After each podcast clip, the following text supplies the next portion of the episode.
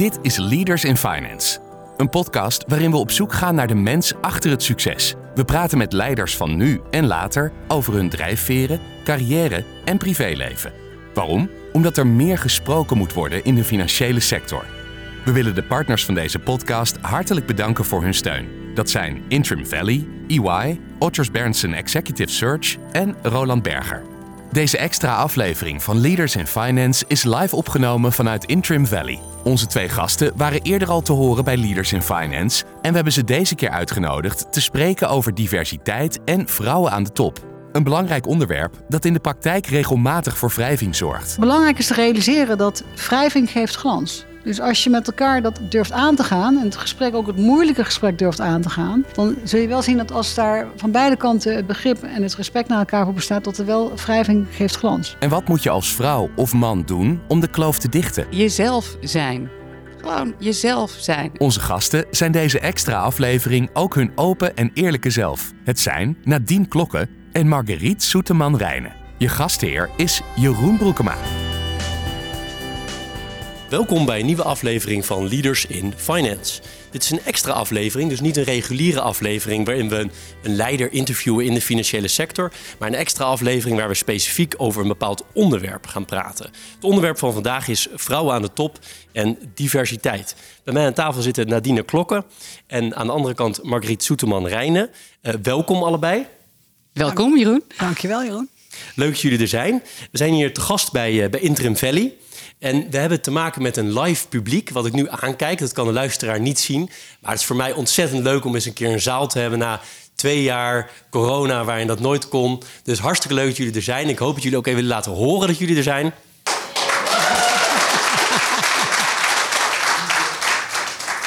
En mocht je veel meer nog willen weten dan wat je vandaag gaat horen van deze twee uh, gasten. Uh, Nadine was te gast als nummer 15 bij Leaders in Finance. dus uh, hashtag 15 Leaders in Finance. Kan je, kan je veel meer over haar horen nog. En Marguerite was te gast nummer 56 van de podcast. Dus daar kun je ook nog een hele hoop over hen horen. Um, wat ik leuk zou vinden is um, om mensen die die podcast nog niet geluisterd hebben om iets van een introductie over jullie uh, te, te, te, horen, over je, kort over je achtergrond. En Margriet, ik wil eigenlijk bij jou beginnen. Zou je kort iets willen uh, vertellen over je achtergrond? Nou, ik ben Margriet, uh, oudste van vier, rechten gestudeerd, werkzaam bij E.ON, makelaar verzekeringen. daarnaast ben ik ook toezichthouder bij diverse bedrijven, waaronder een advocatenkantoor. Ik ben president-commissaris van een start-up. Ehm, uh, zit bij de Amerikaanse Kamer van Koophandel. Uh, kortom, een bezige bij en ik verveel me nooit. Mooi. Nadine? Uh, nou, Nadine, oudste van vier. ook rechten gestudeerd en bedrijfskunde. intussen ook moeder van vier. en CEO van KNAP. twee jaar nu. Mooi, mooie, mooie introducties. Om vast, een, om vast een beetje dat beeld te hebben. En we gaan het hebben dus over, over diversiteit en vrouwen aan de top. En eigenlijk de eerste vraag over jullie persoonlijk. Hadden jullie zelf verwacht, want ik, ik zeg gewoon dat jullie aan de top zitten. Dat gaan we niet over hebben dat jullie dat niet zitten, want dat is vaak een reactie. Maar Margriet, had je ooit verwacht dat je aan de top zou komen? En ik was wel heel jong en heb ik dat met uh, eigenlijk in mijn eerste performancegesprek heb ik dat wel uh, geantwoord. Hè? Toen ik moest vertellen wat ik wilde bereiken, zei ik de top. Ik heb wel, ik hou gewoon van verandering. Dus een paar drie rode lijnen in mijn leven zijn verandering, mensen, ja, en, internationaal. En ik, ik heb eigenlijk altijd uh, meer willen bereiken. Dus je bent zo rupsje nooit genoeg. Waarbij ik nu op 55 jaar leeftijd wel even nadien kijk, lach het aan hier. Denk van ja, weet je, wanneer is het nou genoeg? Uh, uh, en wat je dus ziet is dat je wel goed moet waken, en daar gaan we het straks misschien verder over hebben, is van wanneer is het genoeg en hoe, zit je, hoe sta je in het leven? En wat heb je eigenlijk te geven aan, aan anderen dan jezelf? Maar toen je, toen je student was, dacht je van ik ga wel echt uh, CEO worden? Ergens de, de eind. Nee, ik, toen, ik, nee, toen ik student was, uh, um, ja, ik heb gewoon eigenlijk. Uh, uh, ik heb een studie gedaan, rechten, na een jaartje bedrijfskunde. Hebben we al eerder keer met elkaar besproken. En rechten was gewoon een studie die me super goed afging. Ik heb 3,5 jaar in Rotterdam. Ik zit Ruben aan te kijken. Ik zit hier als gast, de, de gastheer. Ruben, ik heb 3,5 jaar in Rotterdam heb ik gefeest. En mensen die hoorden dat ik ging werken, dachten dat ik gesjeest was. omdat ze maar alleen maar zijn feesten. Maar ik kon dus heel effectief iets doen. En, met, en dat is misschien wel mijn grote gave als ik ergens voor ga en me echt intrinsiek iets ergens voor interesseer. dan uh, geeft me dat energie en daardoor geef ik ook aan andere mensen energie. En of dat dan de top is wat je wil bereiken, nou, ik wilde vooral heel goed zijn in wat ik deed. Nadine, jij zit aan de, aan de top van, van Knap uh, Bank. Had je verwacht, laten we zeggen vijf of tien jaar, vijftien jaar geleden, dat je zo'n soort positie zou bekleden? Nou ja, niet, niet per se wel en ook niet per se niet eigenlijk. Dus um, ik, ik, zou, ik heb het nooit uitgesloten.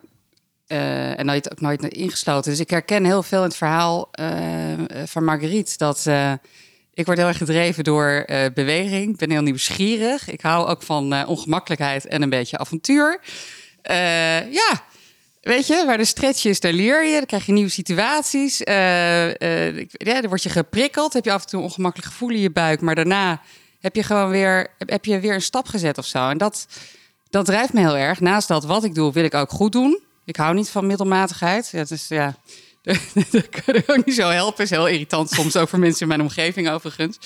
Uh, dus ja, het is dit geworden. Maar, maar ik bedoel, en, en ik geloof ook wel dat uh, dingen je overkomen. Hè? Dus ik heb ook geluk gehad met bepaalde mensen die ik ontmoet heb. Uh, de ene beweging zorgde voor de andere, waardoor je weer een kans kreeg. En hij is hierheen gerold, maar het had ook zomaar vijf andere plekken kunnen zijn.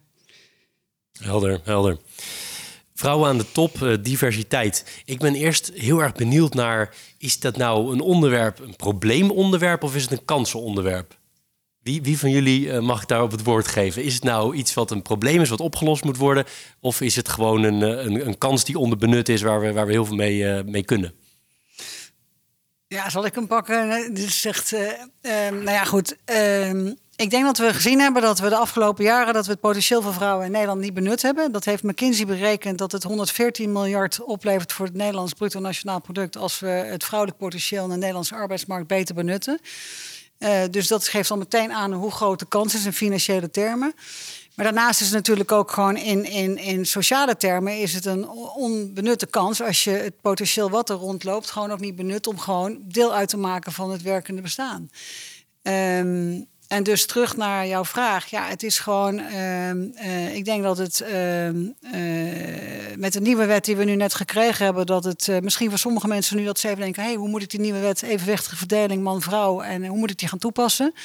En even voor iedereen aan de podcast: die nieuwe wet houdt dus in dat er dus inderdaad in de raden van commissarissen van beursgenoteerde bedrijven dat er 30% vrouwen moeten inkomen.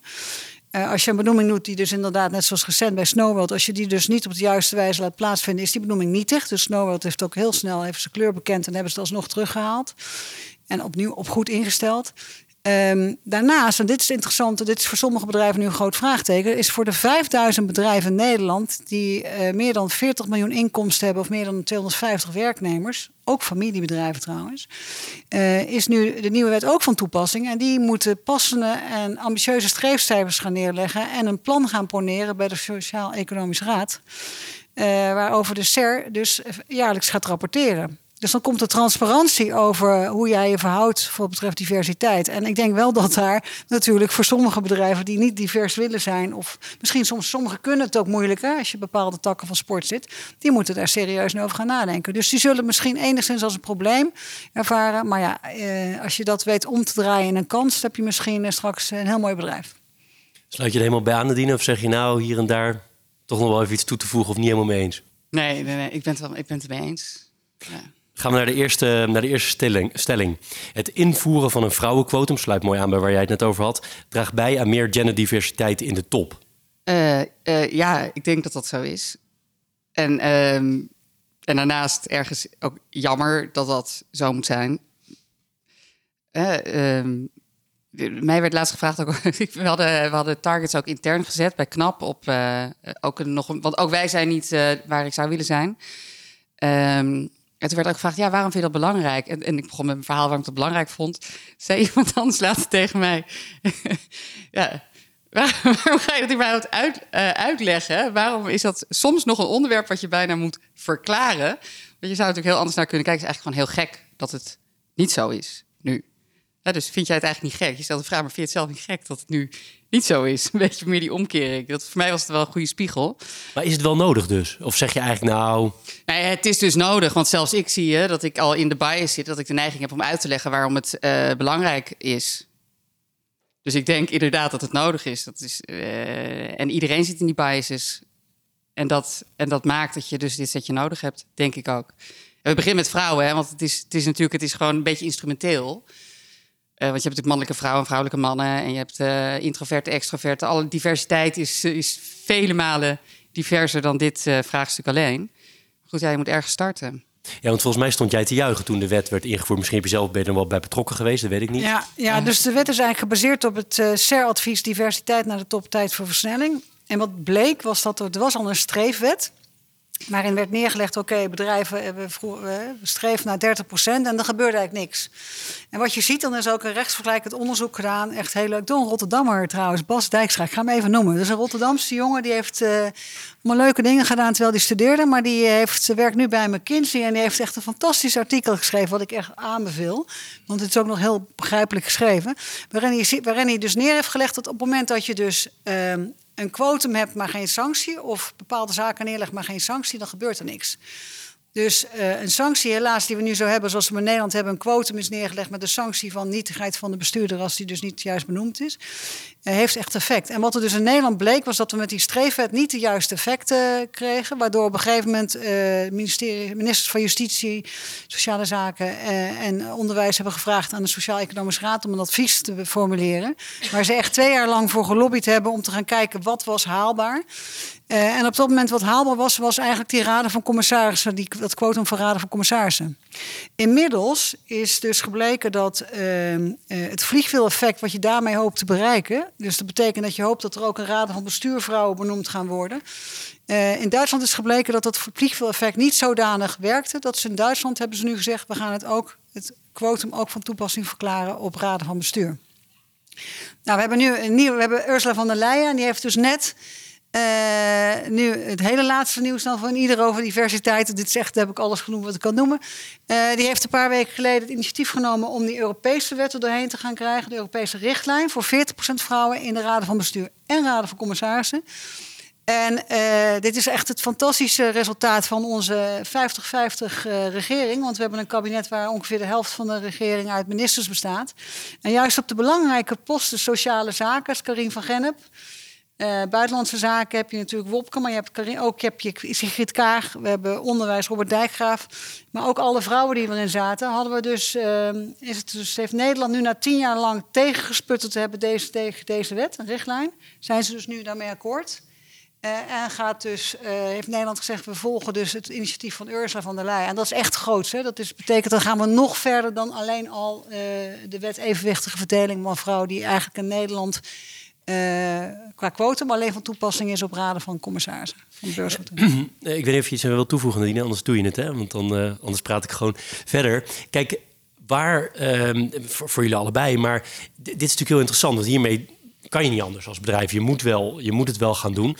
Maar moet je dan ook voor hele andere eh, diversiteitspunten dit gaan invoeren als wet? Moet je het ook voor etniciteit doen of voor hele andere vormen? Is, is dat waar we dan naartoe moeten om het eigenlijk gedaan te krijgen als we diversiteit willen? Ik weet, ja, dat weet ik niet zo goed. Maar ik noemde het net ook al, hè, dat dit is gewoon een, een, soort een eerste instrument om een beweging te veroorzaken. Die dus effect heeft en hopelijk dan nu een breder effect krijgt. Uh, ik kan me indenken dat dat uh, nog, misschien nog wel op één of twee andere assen ook uh, gebeurt. Ik kan me indenken, ik zou niet willen dat we helemaal de werkelijkheid in een soort van matrix kunnen gaan vervatten. Dat lijkt me heel uh, vermoeiend. En wat ik leuk vond, jij zei tussendoor even, en ik ga het zo ook aan Margriet vragen. Maar je zei, bij ons hebben we het ook nog niet helemaal op orde zoals we het willen hebben. Nee. Hoorde ik dat goed of ja, hoorde ik dat niet goed? goed? Nee, hoorde je heel goed. ja. ja. En dat je, wil, betekent... je wil weten wat dat betekent? Ja, nou, welke verhoudingen jullie nou, hebben? Jullie hebben alleen maar mannen. Wij zitten uh, op 60-40 zo'n beetje in de gehele populatie. En op 32% vrouw in de leadership uh, rollen. En bij jullie is dat bij jullie ook... Nou, in Nederland, oh, het is echt een hele diepe zucht. Um, uh, in holdings, dus ik ben de bestuursvoorzitter van Eon Holdings. Dus wij gaan over uh, 7 miljard wereldwijd die in Nederland geconstateerd wordt. Dat is makkelijk uitleggen hier, want deze mensen allemaal financiële achtergrond. Uh, heb ik, dus ben ik de een derde vrouw. Dus ik heb twee andere leden van de raad van bestuur en die zijn allebei man. Ehm, in de Nederlandse directie momenteel ehm, zijn we op zoek naar een nieuwe CEO. En ik hoop dat het een vrouw gaat worden. Dus, directie Nederland. Want Holdings gaat over 400 entiteiten wereldwijd. Onder andere E.ON Groep Nederland. Dat is onze Nederlandse entiteit. Maar als ik heel eerlijk ben, dan zie ik dat er in Amerika en de US zie ik ontzettend veel gebeuren op diversiteit. Uh, wij zijn een, even voor jullie begrip, E.ON is een listed company in New York. Uh, dus je ziet in Amerika momenteel heel veel aandacht voor dit onderwerp. Voor wat betreft uh, diversiteit en inclusie, ook door alle activiteiten her en der. Dus in Amerika en de UK hebben ze dit echt omarmd en goed gedaan. Maar dan zie je weer dat het in Europa en in Azië is het eigenlijk, uh, heeft het minder de aandacht. Dus ik rommel dan wel aan, ik, ik hang dan wel weer aan de klok. Vinden ze heel vervelend in Amerika. Um, want je merkt ook gewoon dat die mannen in hun eigen, ja, ze vallen in hun eigen gelijk, noem ik het dan maar. Uh, en dat is gewoon niet goed, want ze hebben daardoor echt blind spots. Ze missen echt essentiële onderdelen. En, wat, wat bedoel je met ze? Nou, omdat ze dus, het mooiste voorbeeld, dan laat ik het gewoon even. Jij kent het voorbeeld, Jeroen. Het voorbeeld wat ik altijd noem is dat je dus als je met klanten gaat praten. Uh, en dit is het voorbeeld van Beyoncé. Wie van jullie kent Beyoncé? Ik denk iedereen kent Beyoncé, toch? Oké, okay, ik vraag niet of iemand wil meezingen op Beyoncé. Ik zal het ook niet zelf doen. Beyoncé heeft in april 2019 stond ze in het nieuws. En ze stond in het nieuws omdat ze een deal had gesloten met Adidas. Uh, maar daarom, uh, corrigeer, ze stond niet in het nieuws omdat ze een deal had gesloten met Adidas. Ze stond in het nieuws omdat ze de deal niet had gesloten met Reebok. Dus ze had een deal gesloten met Adidas, maar niet met Reebok. En de reden waarom ze Reebok had afgewezen, zij had Reebok afgewezen, omdat ze zei van jullie vertegenwoordigen niet wat ik vertegenwoordig. Dus Reebok was met een team gaan pitchen met alleen maar witte mannen. Dus ze zei, ik heb vertegenwoordig bepaalde normen en waarden. En ik zie dat jullie mij nu komen benaderen om mij te gaan vertegenwoordigen met allerlei kleding en schoenen, noem maar op. Maar jullie vertegenwoordigen mij niet.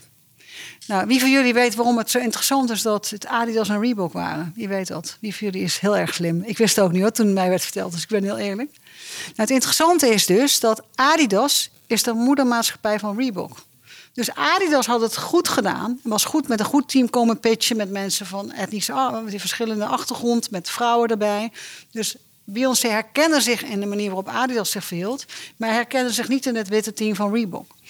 En wat je dus ziet momenteel, is dat je dus, als je vraagt van wat is het tastbare eraan, je wil gewoon dat je, als je met klanten gaat praten, waar we nu vrouwen zien. Ik heb heel veel klanten onder E.ON verzekerd, dus wij eh, zijn makelaar verzekeringen. We hebben overal hebben we gewoon mensen van een verschillende achtergrond zitten. Je wil dat je bedrijf gewoon weer spiegelt wat je klanten, waar je, wat je klanten doen. En dat kan alleen maar als je daar open voor staat en dus ook inderdaad die moeilijke keuzes soms durft te maken. En dus zoals Joris Luijendijk het dan zegt, jullie kennen allemaal Joris Luijendijk, dus niet de zeven vinkjes. Uh, nou, ik heb in Rotterdam gestudeerd, dus ik heb, ben met Joris in gesprek geweest. En ik ben dus zes vinkjes. Dus Joris zei ook tegen me, ja Margriet, daarom bezit je misschien waar je nu zit. Maar het is belangrijk om te gaan kijken van... Dus terug naar dat, even nog wat jij net zei over die wet. Die wet is dus inderdaad toepassing op het quotum. Dat gaat over man-vrouw. Maar die plannen en die strategieën die al die bedrijven moeten op, op gaan uh, stellen... Die zijn dus ook voor etnische minderheden en ook voor andere diversiteit, zoals mensen met een beperking of LGBTQ, et cetera, et cetera. Ja, die tellen op ook. Ja, en het is gewoon belangrijk om dat gewoon. Dus het is niet nu alleen man-vrouw, het is gewoon belangrijk om, uh, om uh, het integraal te gaan benaderen. Ja, het is eigenlijk bizar dat ik met jullie mag praten, want volgens mij ga ik iets te veel vinkjes scoren van die zeven, maar ik weet het niet. Je luistert naar een extra aflevering van Leaders in Finance met Jeroen Broekema. Margriet heeft een speech aan jullie gegeven voor deze podcast. Heeft de luisteraar niet kunnen horen, maar daar had je het over dat je uh, genderneutraal was opgevoed. Ja. En daar wil ik het ook eens met jullie over hebben. Want de, de stelling is: door een genderneutrale opvoeding kunnen we op termijn meer genderdiversiteit in de top krijgen. Dus met andere woorden, hoe belangrijk is het nou dat je genderneutraal, en dan mag je ook toelichten wat je daaronder verstaat, opgevoed wordt? Ik weet niet wie van jullie als eerst het woord wil grijpen. Nadine, jij, voed jij je kinderen genderneutraal op? Laten we zo beginnen. Ja, uh, ik zal heel eerlijk zeggen, ik, vond het, uh, ik vind het wel uh, even een ingewikkelde vraag. Um, omdat ik dan eigenlijk meteen twee dingen denk. Aan de ene kant, ik kom uit een gezin met drie meisjes en één jongen. traditioneel werkende vader en zorgende moeder.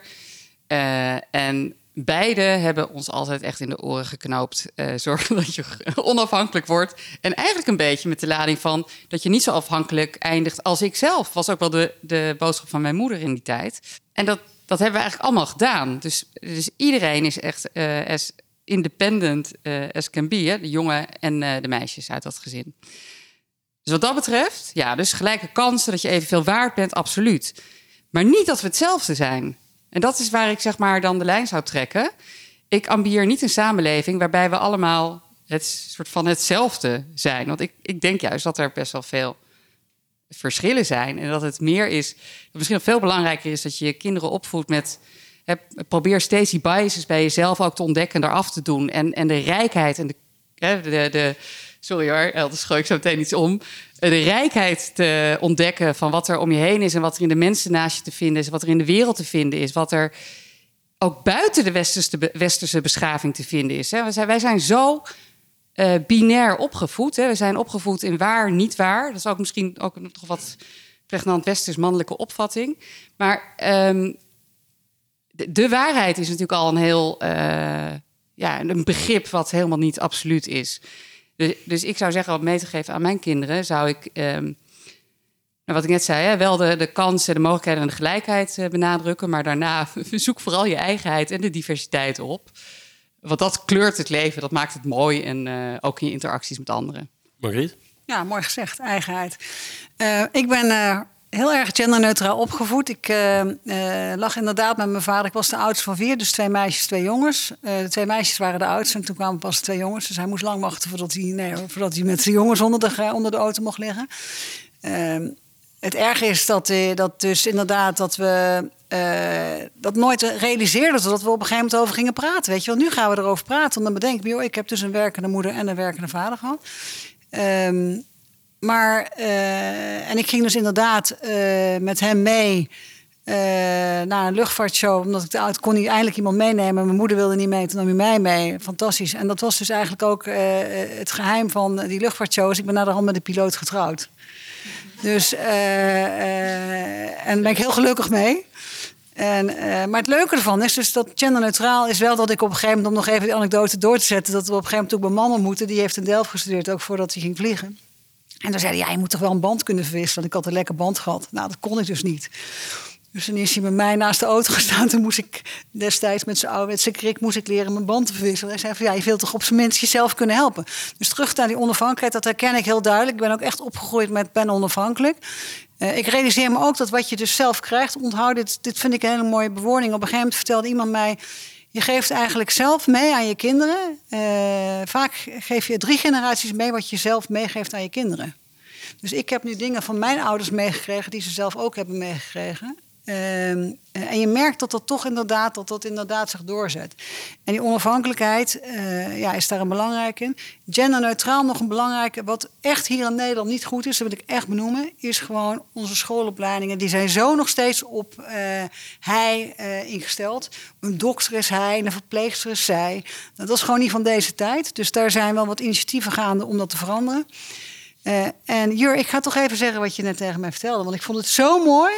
Dus een van de aanwezigen die sprak mij net aan en die zei: Ja, het is eigenlijk toch ook raar dat we het altijd hebben over history. Dus geschiedenis, history. Dat betekent eigenlijk his story. En waarom hebben we het niet over her story, her story? Ja. En ik vond het zo mooi, ik ga het even benoemen, Jur, want ik vind hem, die gaat echt bij me blijven. Waarschijnlijk ook nog een keer iets over opschrijven, want het is zo mooi. Maar het is dus belangrijk om te realiseren dat heel veel op patriarchale zaken is ingespeeld. En als je dan terugkijkt in de geschiedenis van de wereld, de history of the world, de history of the world, dan zie je dat het heel bijzonder is. Want ook op wetenschappelijk gebied en op schildersgebied zien we dat vrouwen op een gegeven moment eigenlijk een beetje aan de kant geschoven zijn. Uh, terwijl ze er wel waren. Het is niet dat ze er niet waren. Maar het is op een gegeven moment gewoon totaal onderbelicht gaan. Dus het belangrijke is die zichtbaarheid nu te vergroten van iedereen die maar uh, succesvol is, man, vrouw, LGBTQ. Om het begrip te creëren dat als je iets kunt zien, kun je het ook zijn. En heb je ook wel eens, als je heel eerlijk bent in je eigen opvoeding, dat je denkt: hé, hey, ik ben toch ook weer even in een bias gestapt? Nou, zeker. Ik zeg tegen mijn dochter, die dan. Ik heb een zoon en een dochter, 22, 21. Tegen mijn dochter, die super ambitieus zegt: dan, Nou, heb je nog geen leuke, heb je nog geen leuke jongen ontmoet? Nou, dat is echt, dat zet alles op rood tilt. Dus als ze hoort dat ik het überhaupt zeg, wordt zo. Nee, die is super onafhankelijk. Dus je merkt natuurlijk wel, dus de grap is alleen dat je dus, uh, je ziet echt dat ik, uh, ja, ik ben super onafhankelijk. En dat, je ziet dat zij dat ook oppakken. En dat ze ook vooral hun potentieel willen ontwikkelen. En die eigenheid, wat jij zegt, dat vind ik heel mooi. Dat je bedenkt dat je uniek bent en dat je dat unieke ook zichzelf laat zijn. En dat inderdaad uh, gewoon een goede manier beleeft. En heb jij het ook wel eens in je organisatie of in je opvoeding dat je denkt, ik hoor iets van denk, ah, dat, dat pakte ik niet meteen, maar eigenlijk was het helemaal niet eh, zoals, ik er, nou ja, zoals ik het eigenlijk vind. Maar het gebeurde me toch. Ik trapte in zo'n bias. Ja, nee, ik, ik dacht, ik reageer nog even op twee andere punten voordat ik je vraag beantwoord. Sorry, Jeroen. Graag. Nee, over scholen. Ik vind scholen ook fascinerend onderwerp, lagere scholen. Ik heb dus vier kinderen. Jongste is vijf, oudste is twaalf en ertussen zitten nog twee. En dan moet je een formulier invullen als dan je kind ziek is. eh, eh, wie dan als eerste gebeld wordt, je, de vader of de moeder? Gewoon meer, ja, ik vind het geestig. Dus wat, dat, hè, wat vul ik dan in? Ik vul eerst Mark in, dat is mijn vent. En daarna mijzelf. Want ik zit veel in overleg en zo, ik ben wat minder goed bereikbaar. Stelselmatig word ik als eerste gebeld.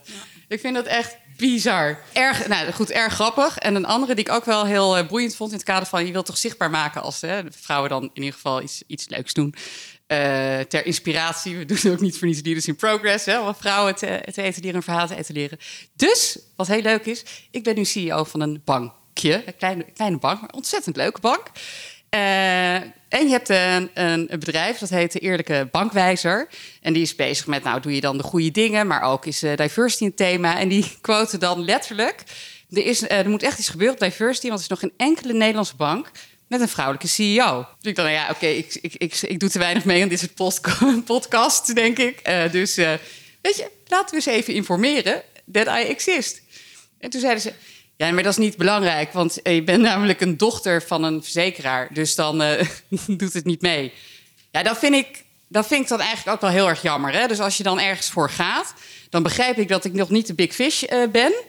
Maar ik geloof zo in, en dat is ook een oproep naar jullie allemaal. Probeer te veranderen door het goede te laten zien. Probeer te veranderen door de kleine dingen die bewegen groot te maken. Want dan krijg je een beweging, er komen de dingen op gang. En eh, ja, dit vind ik dan een voorbeeld waar, waar echt de plank eh fors misgeslagen wordt. Dus dat eh, even als. Eh, nou Ja, mooi, eh, mooi, mooi, mooi verwoord. Ik moest meteen denken aan waarom het eigenlijk een dochteronderneming is. Maar goed, we gaan weer op die history en his, eh, her story en his story. Oh ja, nee, wel. Ja, nee, het is wel grappig. Dat, dat is dan weer een dochteronderneming, Ja. geen zoononderneming. Maar dat geeft wel aan het belang van taal. Hè? Dus we gaan hier heel erg heel snel Ja. overheen. Belang van taal is dus eigenlijk veel belangrijker dan je denkt. En dat is dus, we zijn zo gewend aan ons taalgebruik, wat echt patriarchaal is ingesteld. Even terug naar het schoolplein. Dus even eh, een hele leuke anekdote over mijn man die piloot is. Dus inderdaad, hij werd gevraagd op het, eh, voor het, eh, weet je, wel, op een gegeven moment heb je zo'n beroepenavond voor die kinderen. Eh, nou, dat was natuurlijk hartstikke leuk. Maar voordat dat gevraagd werd, even voor jullie. Hij stond inderdaad vaker dan ik op het schoolplein. Dus eh, ik heb ook met mijn dochter op een gegeven moment een interview gehad met Koen Verbraak. En toen zei Isabel, mijn dochter, van ja, papa was meer een mama dan mama. Dat was ook zo, want ik reis de hele wereld rond. En daar ben ik helemaal oké mee, dus zei ook. Maar dat klonk redelijk dramatisch toen het zo werd eh, opgenomen. Wat interessant is dat hij dus ging naar het schoolplein. Hij was ook vaak de luizenvader. Eh, eh, ja, dus hij was gewoon de luizenvader. En de, de grap was dan dat eh, in het begin wisten mensen dus niet wat hij deed. Want dan ging hij gewoon, gewoon de kloffie.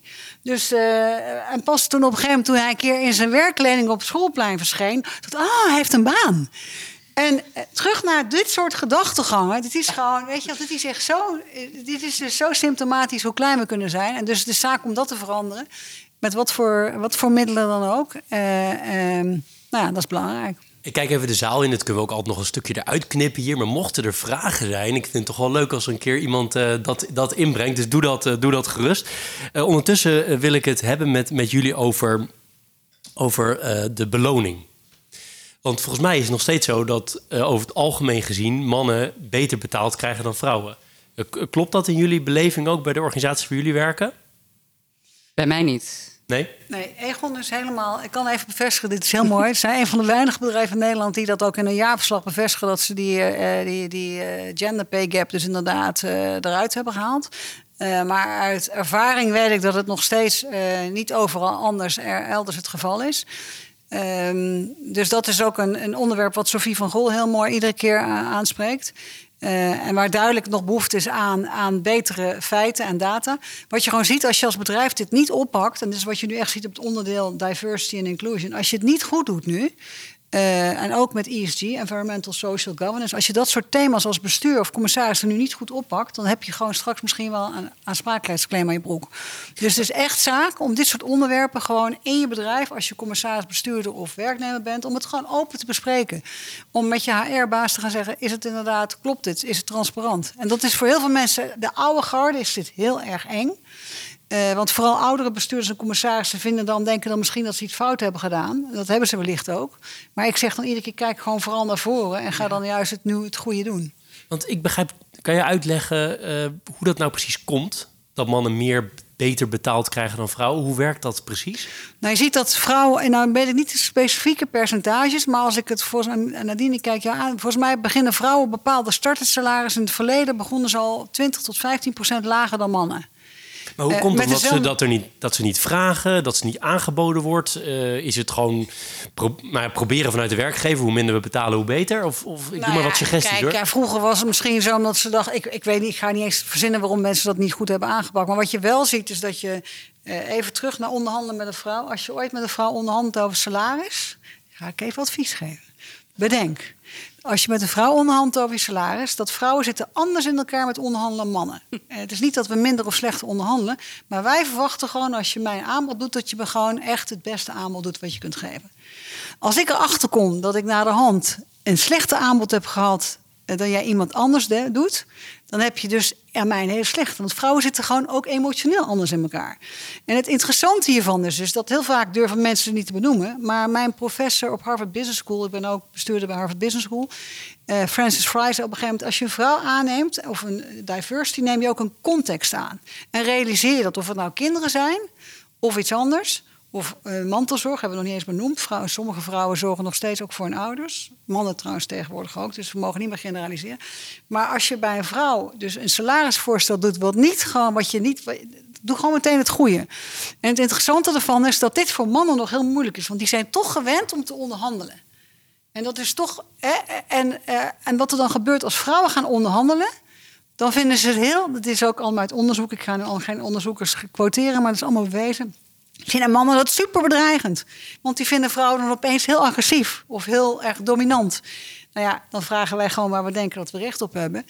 Uh, maar dat vind ik dus heel erg intrigerend dat je dus ziet dat dit soort onderzoeken er zijn. En ja, dus ga gewoon met op de juiste manier het gesprek aan en probeer te doen wat je moet doen. En dat weet je echt donders goed. Er is inmiddels zoveel data is er uh, ter beschikking. En anders ga je maar naar organisaties zoals Equileap, die verzamelen die data ook. Uh, zodat je, dus je gewoon geen misleun maakt. Even voor een beetje, voor een beetje discussie, Nadine.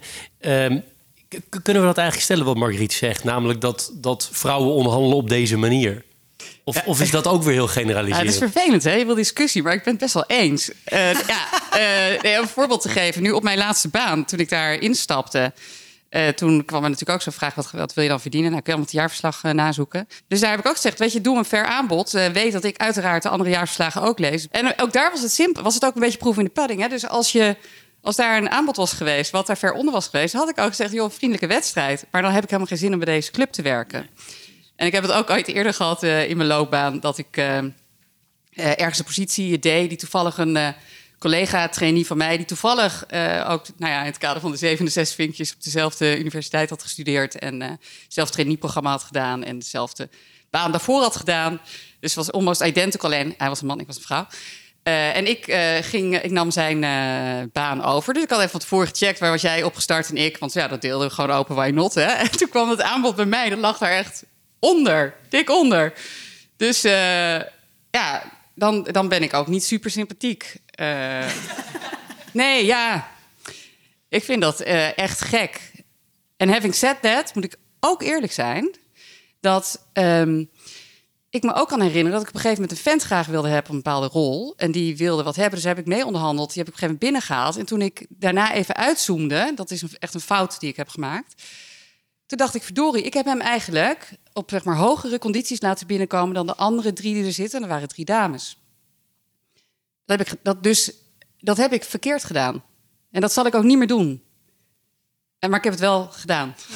Nou, wat leuk, leuk dat je dat, uh, leuk dat je dat deelt. Ik kan me ook uh, helemaal Mag ik daar even op terug, Anna? Want we hadden het net ook over... Ik heb op een gegeven moment... Ik werk dus uh, bijvoorbeeld Saudi-Arabië, terug naar bias. Ik wil nog even laten zien hoe snel je zelf ook genegen bent... om gewoon je bias schoon te hebben. Dus... Dus we zijn kijken naar nieuwe bestuurders daar. Nou, we hebben allemaal te maken met politieke constructies, met prins die en prins dat. Um, en dan zit, zit, ik ook te bedenken als holding, dan moeten we dus weer een man aanstellen. Nou, dus dat is even voor jullie. Zit ik dus vorige week, maar ik ben Nederlands vertegenwoordiger bij de G20 op het onderwerp Women Empowerment. Zit ik dus met de minister van Family Affairs van Saudi-Arabië, een vrouw, in een gesprek. En die wil meer vrouwen in boord. Dus ik zat echt te kijken, jezus, ik doe het zelf dus ook. Dus bedenk niet dat je zelf niet zo nu en dan dingen doet die. Dus je merkt gewoon dat je zo nu en dan, als ik het over Saudi-Arabië heb of Midden-Oosten, denk je, er zitten allemaal mannen. Maar ook daar is er een, een nieuwe beweging gaande om meer vrouwen in topfuncties te krijgen. Dus eigenlijk is, is, is, is misschien wel het belangrijkste dat je realiseert: neem, don't take anything for granted. En bedenk je iedere keer weer, of vraag je iedere keer weer af: is dit nog het laatste? Is dit nog state of the art, de kennis die ik heb? Uh, of de situatie die ik in mijn hoofd heb? Ja, en nog één aanvulling, uh, Jeroen. Wat ik ook merk in, uh, gewoon in gedrag, generaliserend, is dat ehm, een man sneller vraagt om iets en een vrouw uh, vooral ook bezig is, goh, uh, doe ik mijn werk goed, waarin kan ik verbeteren en uh, impact maken. waardoor ik zelf ook, ik maak zelf gewoon de exercise op de mensen met wie ik werk, als het gaat over, moet die, wil ik op die salariskant wel doen? En, niet omdat de een wel vraagt en de ander niet. Want dat is dan best wel tricky. Um, en daar zie ik ook echt wel een verschillend patroon bij, bij mannen en vrouwen. Ik wil met jullie naar, een, naar nog een volgende stelling. En ik zie nu een vraag in de zaal, dus laten we daar even mee, uh, laten we daar even mee beginnen, want daar ben ik heel enthousiast over. nou ja, dat weet ik niet, maar uh, ik heb twee jaar geleden een cursus gedaan, uh, ik geloof in schoudernelis of iets anders. En daar werd dan gezegd van ja, weet je, in het bedrijfsleven, dat is gewoon een mannenwereld. En als vrouw zijn moet je je dan maar aanpassen aan die mannenwereld. Want mannen die, die, spelen de wedstrijd anders en die, hè, zo die zeggen over onderhandelen en dat soort dingen, dat doen zij gewoon anders. En uh, als vrouw ben je toch in de minderheid, dus pas je maar aan. En toen dacht ik, jeetje, dat vind ik wel heftig zeg maar, om te horen, want ik doe dat gewoon allemaal anders. Hoe kijken jullie daar tegenaan tegen zoiets? Als, je, als ze zeggen van, hè, uh, het is een mannenwereld, pas je maar aan. Dus, dus uh, de vraagstelster, dus heel gevaarlijk om een uitgebreide vraag samen te vatten.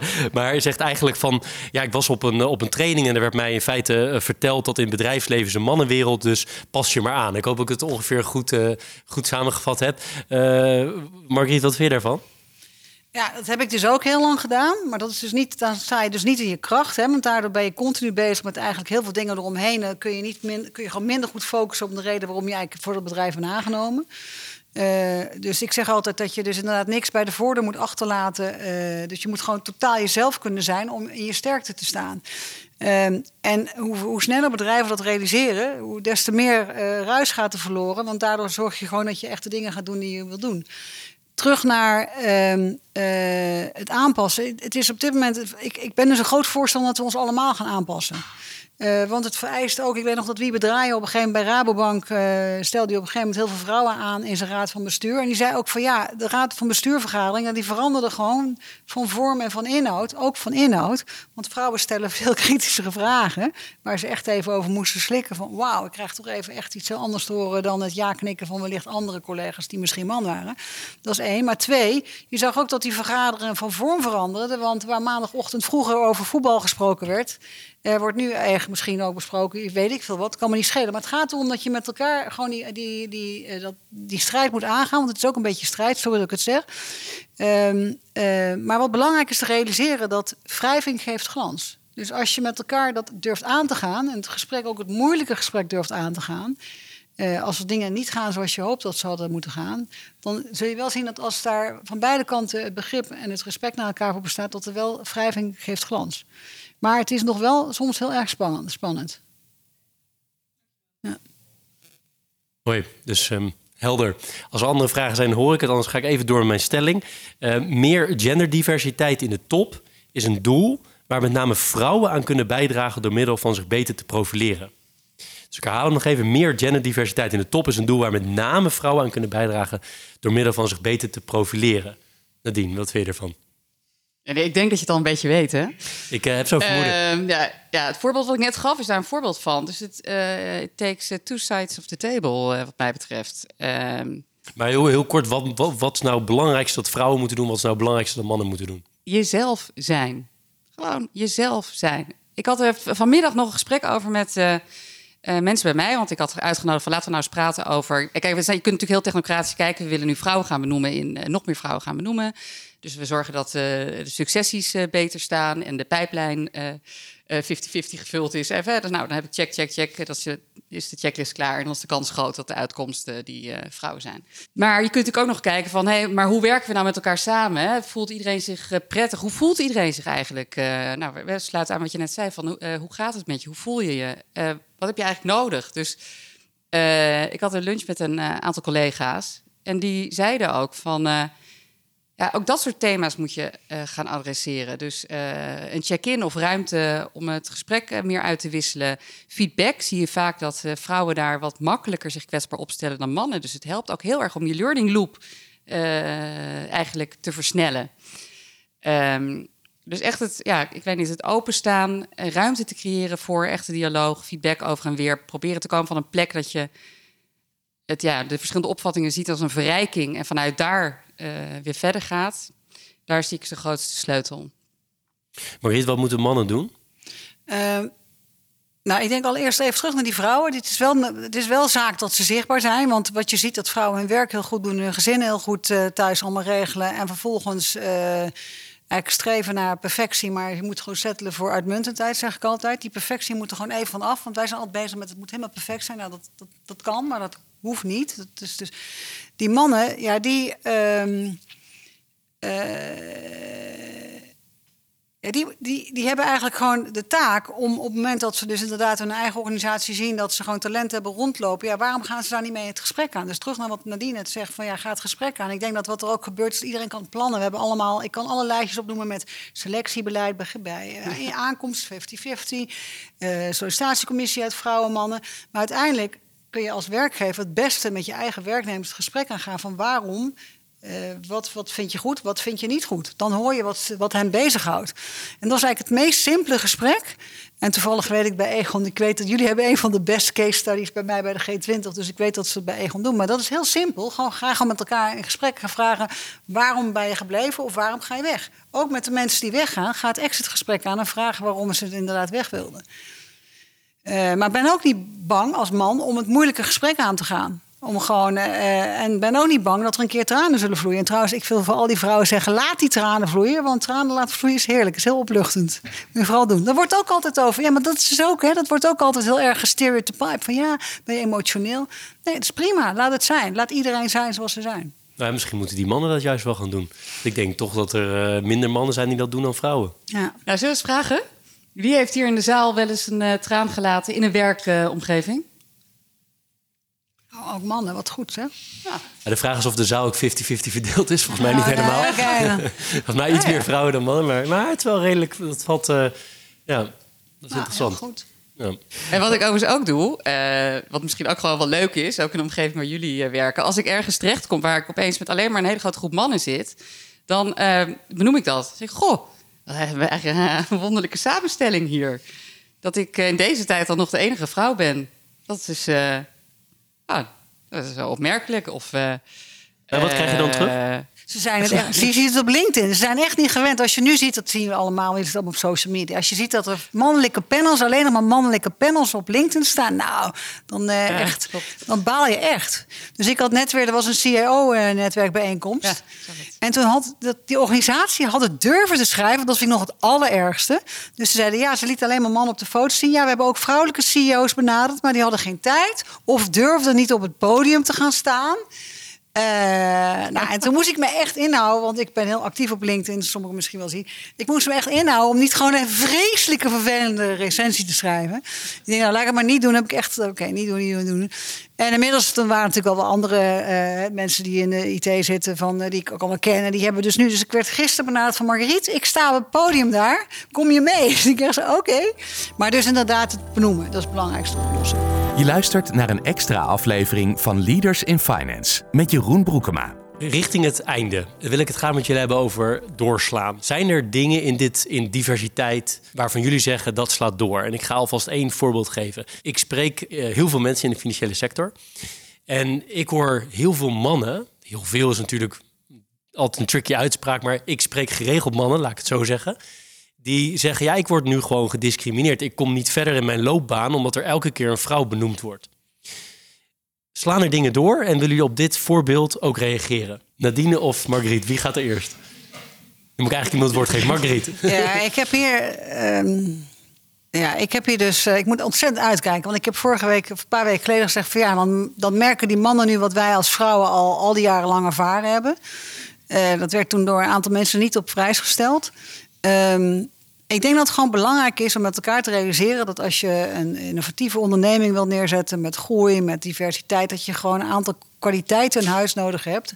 En dat je jezelf gewoon, eh, ja, gewoon rijkelijk eh, teleurstelt als je daar gewoon geen rekening mee houdt. En dus inderdaad de juiste keuzes maakt. Eh, en voor die mannen die momenteel dat soort gevoelens hebben, ja, kan ik alleen maar zeggen van. eh,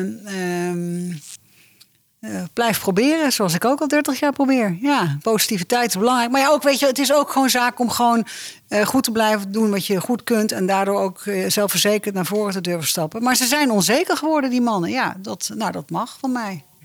Nou, dat is, ik vat dit samen als geen medelijden in ieder geval. Dat is duidelijk. Maar, Nee, en sterker nog, misschien is de perspectiefwissel zelfs waardevol. en daar bedoel je, neem ik aan mee, dat men zich nu beter kan inleven? Ik vind Jeroen echt geweldig. Ik weet niet of jullie het zagen. Hij zit eerst heel hard ja te knikken. Zo, wat ben met je eens? En daarna zegt hij, wat zeg je eigenlijk? Maar goed, eh, eh, sorry Jeroen. Nou ja, kijk, ik probeer een beetje discussie op te Ja, tuurlijk, tuurlijk. Nou, het, eh, om te beseffen dat het niet zo vanzelfsprekend is, allemaal. En dat het soms wel eens redenen zijn waarom dingen niet helemaal lopen zoals je denkt. En dat je misschien dus, eh, creatiever moet zijn, op een andere manier eh, zaken kunt gaan, gaan opzetten. Of wellicht dus een, een, een eh, horizontaal stapje kunt overwegen. Eh, of misschien wat vaker eh, de middag met je kinderen doorbrengen. Het zijn allemaal, het zijn allemaal opties. Nee, dat is een grapje. Maar toch nog even, ik ga nu even Ja, maar het door. gaat over Maar gelijkwaardigheid. slaan, we- slaan we op bepaalde nee, punten we, door? we- nee, we hebben die wet. Die, is, nee. nee, die wet is dus even voor heel duidelijk te stellen. Die wet is dus nu voor een beperkte periode ingesteld, voor acht jaar. Die wordt over vijf jaar geëvalueerd.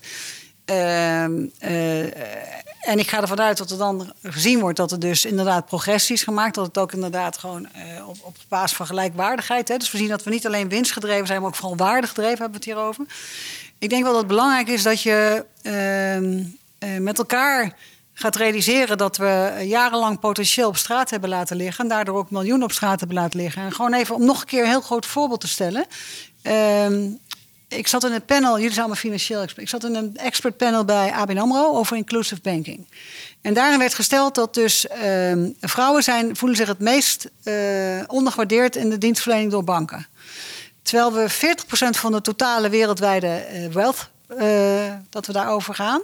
En terwijl er dus eh 611 miljard dollar berekent dus de Oliver Wyman als potentieel... Als we, als we dus inderdaad zorgen dat vrouwelijke entrepreneurs... of vrouwen aan zich, dat we die op de juiste wijze als banken... dat we daar de dienst aan gaan verlenen.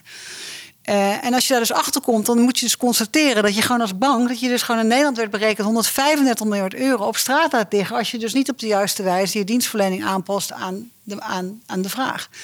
Eh, en dat zijn gewoon simpele voorbeelden. En terug dan naar mannen en vrouwen. Kijk, het gaat er gewoon om dat je met elkaar gaat bedenken eh, dat het gewoon een mooie kans is. En dat je die kans dus ja, moet converteren in, in de juiste acties. En dat je er niet over moet praten, maar moet doen. Gaan we naar het laatste onderwerpje van deze podcast. We zijn bij Interim Valley eh, te gast. En ehm, ik heb begrepen dat jullie vaak hier werken met, een, eh, met drie woorden. Namelijk connect, learn en inspire. Dat is ook deze bijeenkomst waar het natuurlijk om gaat. Om connection, om, om leren en om inspireren. En wij hebben dit van tevoren aan jullie eh, gevraagd. Ehm, dus jullie hebben daar enigszins op kunnen voorbereiden. Maar onder die drie onderwerpen, connect, learn en inspire... willen we even aan jullie het volgende vragen. Eerst Marguerite, aan de connect-kant. Wie is nou jouw meest waardevolle connectie? Ja, dat is, eh, uiteindelijk is dat mijn man omdat, eh, mijn, mijn, eh, en dan hoop dat ik, dus ik heb bij één keer getrouwd en ik hoop ook één keer te trouwen, dus dat mag ik vrij spreken. Maar hij heeft me iedere keer, eh, op hele belangrijke momenten, geeft hij mij een totaal ander invalshoek. Gewoon als voorbeeld, ik had serieus stress, zo nu en dan bij Eon Stress. En dan kom ik thuis en dan geef ik mijn perspectief. En dan vraag ik, wat vind jij dan? Of hoe zou jij reageren? En dan krijg ik een totaal andere reactie. En ik krijg dus ook een reactie van een man. Die dus echt zegt van, nou, hoezo maak je überhaupt hier druk om? Dan zit ik echt zo te kijken van, hè? Dus het geeft mij één, het geeft mij een ander perspectief. Eh, het zet me ook echt iedere keer weer terug op aarde. Want hij is dan wel piloot zit met hoofd in de lucht. Maar hij zet me iedere keer weer terug op aarde. Ehm, eh, en hij zorgt ervoor dat ik inderdaad... ehm, die balans, eh, ik sla echt vaker door naar mijn werkomgeving dan naar mijn privé. En de juiste zetten van de balans, dat die echt in orde blijft. En niet zozeer voor mijn kinderen of voor hem, maar vooral voor mezelf. Zodat ik met mezelf in balans blijf.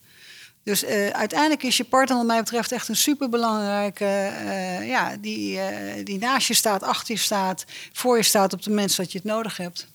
Heb je ook een meest waardevolle connectie, Nadine?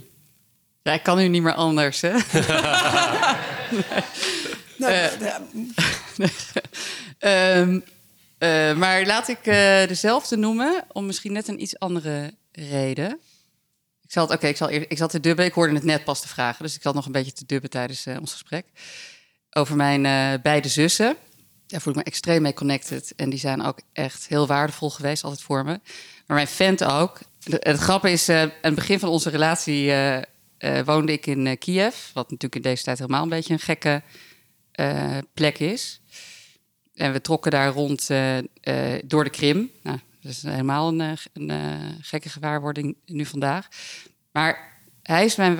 En daar zijn we en in de natuur. Ik ben überhaupt grote liefhebber van in de natuur weg zijn. Um, maar eh, in, maar in mijn leven, in mijn loopbaan, had ik juist vanuit mijn enorme prestatiedruk en mijn avontuurlijke zin en weet ik veel allemaal, vond ik het wel en, heel erg cognitief georiënteerd, had ik moeite om mezelf open te stellen, emotioneel, om, om echt verbinding te maken. Dus om en, uh, en en hij is denk ik de eerste geweest die echt soort van wist tot mijn ziel te komen. dus in je hart, in je ziel. Uh, en vanuit daar nou goed, heeft hij mij de, rijkheid geleverd van vier kinderen. Wat, uh, wat ik als uh, zo ongekend uh, diepe verbondenheid vind. Zo waardevol vind. ik, ja, goed, ik voel me ook zo rijk. Dus ongekend. en dat komt allemaal door die diepe connectie. Wauw, prachtig antwoord. Ja, ik vind het heel jammer dat we niet ook aan mannen kunnen vragen. Dat gaan we dan nu maar niet doen. Maar ik ben wel benieuwd of die mannen dan ook weer hun vrouw of man als partner zouden noemen. Dat zou ik super interessant vinden. Maar goed, kan ik nu niet doen. Um, aan de learn kant, we hebben nu connect gehad, we gaan naar learn. Van wie heb je nou het meest geleerd? Is er één iemand waar je echt zegt, uh, Marguerite, daar heb ik zo ongelooflijk veel van geleerd. Je mag nu niet weer je man noemen, vind ik. Nou, dat, dat zijn. Ja, nou, nou, kijk, ik kan allemaal hele grote namen gaan noemen. Ik ga straks bij inspiratie wel een grote naam noemen. Maar ik denk dat bij de learn kant is het uh, uiteindelijk toch wel. Um, uh, mijn kinderen. Maar waarom mijn kinderen? Eh, ik ga ook direct iets anders zeggen dan alleen mijn kinderen. Want gaan niet alleen... Maar omdat die me eigenlijk een heel ander perspectief laten zien van de andere generatie. Dus weet je wel, je kunt het hebben over diversiteit in man, vrouw, LGBTQ, et cetera. Maar die laten me het perspectief zien van de generatie van... Eh, misschien sommige van jullie, ze zijn 21, 22... Uh, en die hebben het dan over, als ik het heb over mijn toekomst en dan hebben ze het over hun toekomst. Die stellen me echt super kritische vragen over het milieu. Echt dat ik denk van wauw, weet je. En dan uh, wat doe je dan zelf, mama? En dit dan meer. Uh, maar wat ik ook heb, wie mij ook inspireert, is mijn cirkel van vijf. Dus ik heb het altijd over mijn cirkel van vijf. Dat zijn op kantoor de mensen om me heen. Ik heb echt vijf vertrouwelingen. Uh, is een vrouw van Surinaamse afkomst van 50. Is mijn secretaresse, die is ook 51. Is een collega van 58, maar ook een millennial van 29 omdat je uh, heel vaak zit je in je, eigen, in je eigen bubbel. En het is belangrijk te gaan beseffen wie is nou je cirkel van vijf. Wie vertrouw je echt op momenten dat je echt in, op kantoor steun nodig hebt, wie vertrouw je dan? En ik merk dat voor mij dat die gewoon, uh, die cirkel van vijf is gewoon super belangrijk voor wat betreft dit punt. Mooi. Uh, Nadine, aan de, aan de learn kant, heb jij iemand waarvan je zegt, daar heb ik echt ontzettend veel van geleerd? ja, ik denk de eerste op de middelbare school. Dat was een, eigenlijk een leraar die die vooral bezig was met ja, gewoon je, je leren uh, om te denken. Dat is echt de grootste leerschool. Gewoon kunnen leren om autonoom, zelfstandig een, iets te bekijken en daar iets van te vinden. Dus de weg eigenlijk naar je eigen denkvermogen, uh, je daarheen te leiden. En dan vervolgens de ruimte te laten zien die je daarin kunt onderzoeken. Dat was een grote, ja, belangrijke speler. Jullie hebben beide al eigenlijk een beetje de inspire-kant, want dat is het laatste woord hè, waar we het over hadden, de inspire-kant. Maar uh, jij zei al, om uh, een beetje de spanning uh, toen laten stijgen, dat je een grote naam ging noemen bij Inspire. Dus ik ben benieuwd. Ik, heb twee, ik ga twee namen noemen. De ene is uh, Peter Hartman, oud-CEO van KLM. Omdat hij op een gegeven moment zei van... ja, al, jullie ook allemaal, je gaat op een gegeven moment je dingen doen... en dan kom je in contact met leuke mensen, word je uitgenodigd... ga je een keer wat sponsoren. Die heeft me gezegd, als jij iets leuk vindt, Marguerite... dan moet je niet als bedrijf sponsoren of doneren, maar als individu. Dus maak heel duidelijk je eigen keuze op het gebied van wat je wel doet als bedrijf of als individu. Eh, want als je echt als individu blijft doen, word je ook, blijf je ook uitgenodigd. Als je als bedrijf iets sponsort, word je op een gegeven moment niet meer uitgenodigd als je ermee stopt. Dus dat is heel simpel. Het was een simpele les, maar die ik echt toepas. Dus alle dingen die ik doe echt uit eigen overtuiging, die, die zorg ik ook dat ik privé betaal. Um, en dat klinkt een beetje vanzelfsprekend, maar vroeger met compliance, sommige van jullie zijn bezig met compliance, werd er echt ontzettend veel op kosten van het bedrijf gedaan. En dan deden de CEO's allemaal heel, heel groot en heel aangenaam en voornaam, maar het was gewoon op kosten van hun bedrijf. Uh, de tweede is uh, Fijke Siebesma. Uh, omdat hij echt, echt een, een, een, champion voor diversity is. Hij heeft helemaal geen dochters. Vaak zeggen mensen, ja, ik heb dochters, doe het voor mijn dochters. Nou, ze mogen allemaal een eigen overweging hebben. Fijk heeft gewoon twee zonen. Hij heeft een vrouw die werkt. Uh, is echt super geëngageerd op alles wat te maken heeft met sustainability. Hij beleeft het ook echt zo. Hij heeft er ook toen hij destijds CEO was van deze heel veel vragen over gekregen van zijn aandeelhouders, maar bleef gewoon rechtop staan. Uh, en hij is ook echt iemand die, uh, uh, die inderdaad met wie het gesprek kunt aangaan, ook over je eigen vragen die je hebt. en geeft dan hele interessante perspectieven, dus terug naar inspiratie. En dat is toch heel leuk, want dan zegt hij ook van ja, er komt iemand bij me binnen met A. Dan zegt hij gewoon om te challengen, zegt hij Z, terwijl hij eigenlijk ook al A vindt.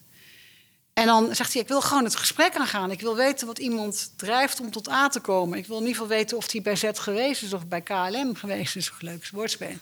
Maar interessant is dus dat je dus, en dat, daar refereerde je ook aan... dat je dus inderdaad daardoor jezelf ontwikkelt. Niet dat uh, je krijgt te horen, je hebt gelijk. Maar dat je dus, je, hè, je, je, wordt ook echt in het gelijk gesteld... omdat je met hem het gesprek bent aangaan. Dat vind ik gewoon uh, super inspirerend. Jij Nadine, heb jij iemand waarvan je zegt... die heeft me echt uh, enorm geïnspireerd? Eigenlijk noemde je net al in de vorige vraag... maar heb je nog iemand anders? Uh, ja, tuurlijk. Even twee uh, namen. Eén ehm, wat, wat grotere naam, maar die ik wel echt fascinerend vond... Ehm, die ik natuurlijk niet ken, maar waar ik wel veel over gelezen heb... is Mandela. Eh, als je naar het leven kijkt, ook met echt een hele militante eigenlijk, start. Hè? En daarna eigenlijk pas de Mandela zoals die later echt geportretteerd is... Maar ik vind dat ik vind dat fascinerende. Net zoals Havel bijvoorbeeld, Tsjechië, zelfde, of niet hetzelfde soort verhaal, een heel ander verhaal. Hè. Daar had je eerst de nazi's, daarna het communisme. Hij komt daar doorheen en vervolgens uh, verbindt hij eigenlijk de beide achtergronden om vooruit te gaan en niet om eigenlijk de verliezende partij te gaan vervolgen. Dat is, ik vind dat fascinerende uh, mensen. In die zin dat die dus op een of andere manier in staat zijn om over zoveel pijn het is bijna unimaginable hoeveel pijn daar zit. Om daar overheen te stappen voor de greater good uh, iets te gaan leiden. En of dat hè, overal, uh, overal heen gegaan is uiteindelijk waar het misschien had moeten zijn, I don't know. Maar ik vind dat super inspirerende profielen.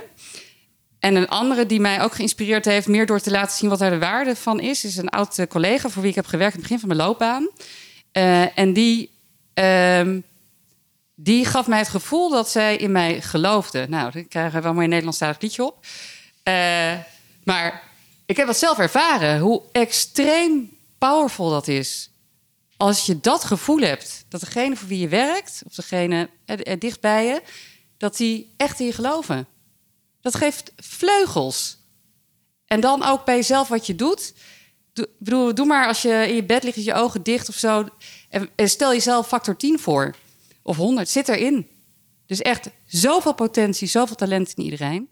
En ja, dat, dat was ook een grote inspiratie. Mooi. Voordat ik jullie ga bedanken, ik heb het bij elke aflevering altijd gedaan, dus doe ik bij deze ook. Is er iets waarvan jullie zeggen, ja Jeroen, jammer dat je er niet over begonnen bent, of dat had ik graag nog willen zeggen, uh, of anderszins? Dankjewel, Jeroen. Ja, dankjewel, Jeroen. Graag gedaan. Nou, we zullen denk ik off the record nog wel wat vragen behandelen zometeen. Uh, voor nu, uh, luisteraars van Leaders in Finance, heel veel dank dat jullie geluisterd hebben. Uh, heel veel dank Nadine Klokken, heel veel dank Marguerite Soeterman-Reiner voor jullie tijd en deelname aan Leaders in Finance hier bij, bij Interim Valley. En voor mensen die meer over deze twee gasten willen weten, aflevering 15 was met Nadine en aflevering 56 was met Marguerite. Um, dank iedereen en bij deze is de podcast ten einde. Dit was Leaders in Finance. We hopen dat je deze aflevering met veel plezier hebt beluisterd. We stellen je feedback erg op prijs. Wat houdt je bezig en over wie wil je meer horen? Laat het weten via een Apple of Google review. Dat kan ook via de sociale mediakanalen of direct via een e-mail. We kunnen het enorm waarderen als je dat doet. Tot slot danken we onze partners voor hun steun. Dat zijn Interim Valley, EY, Otters Berndsen Executive Search en Roland Berger. Bedankt voor het luisteren.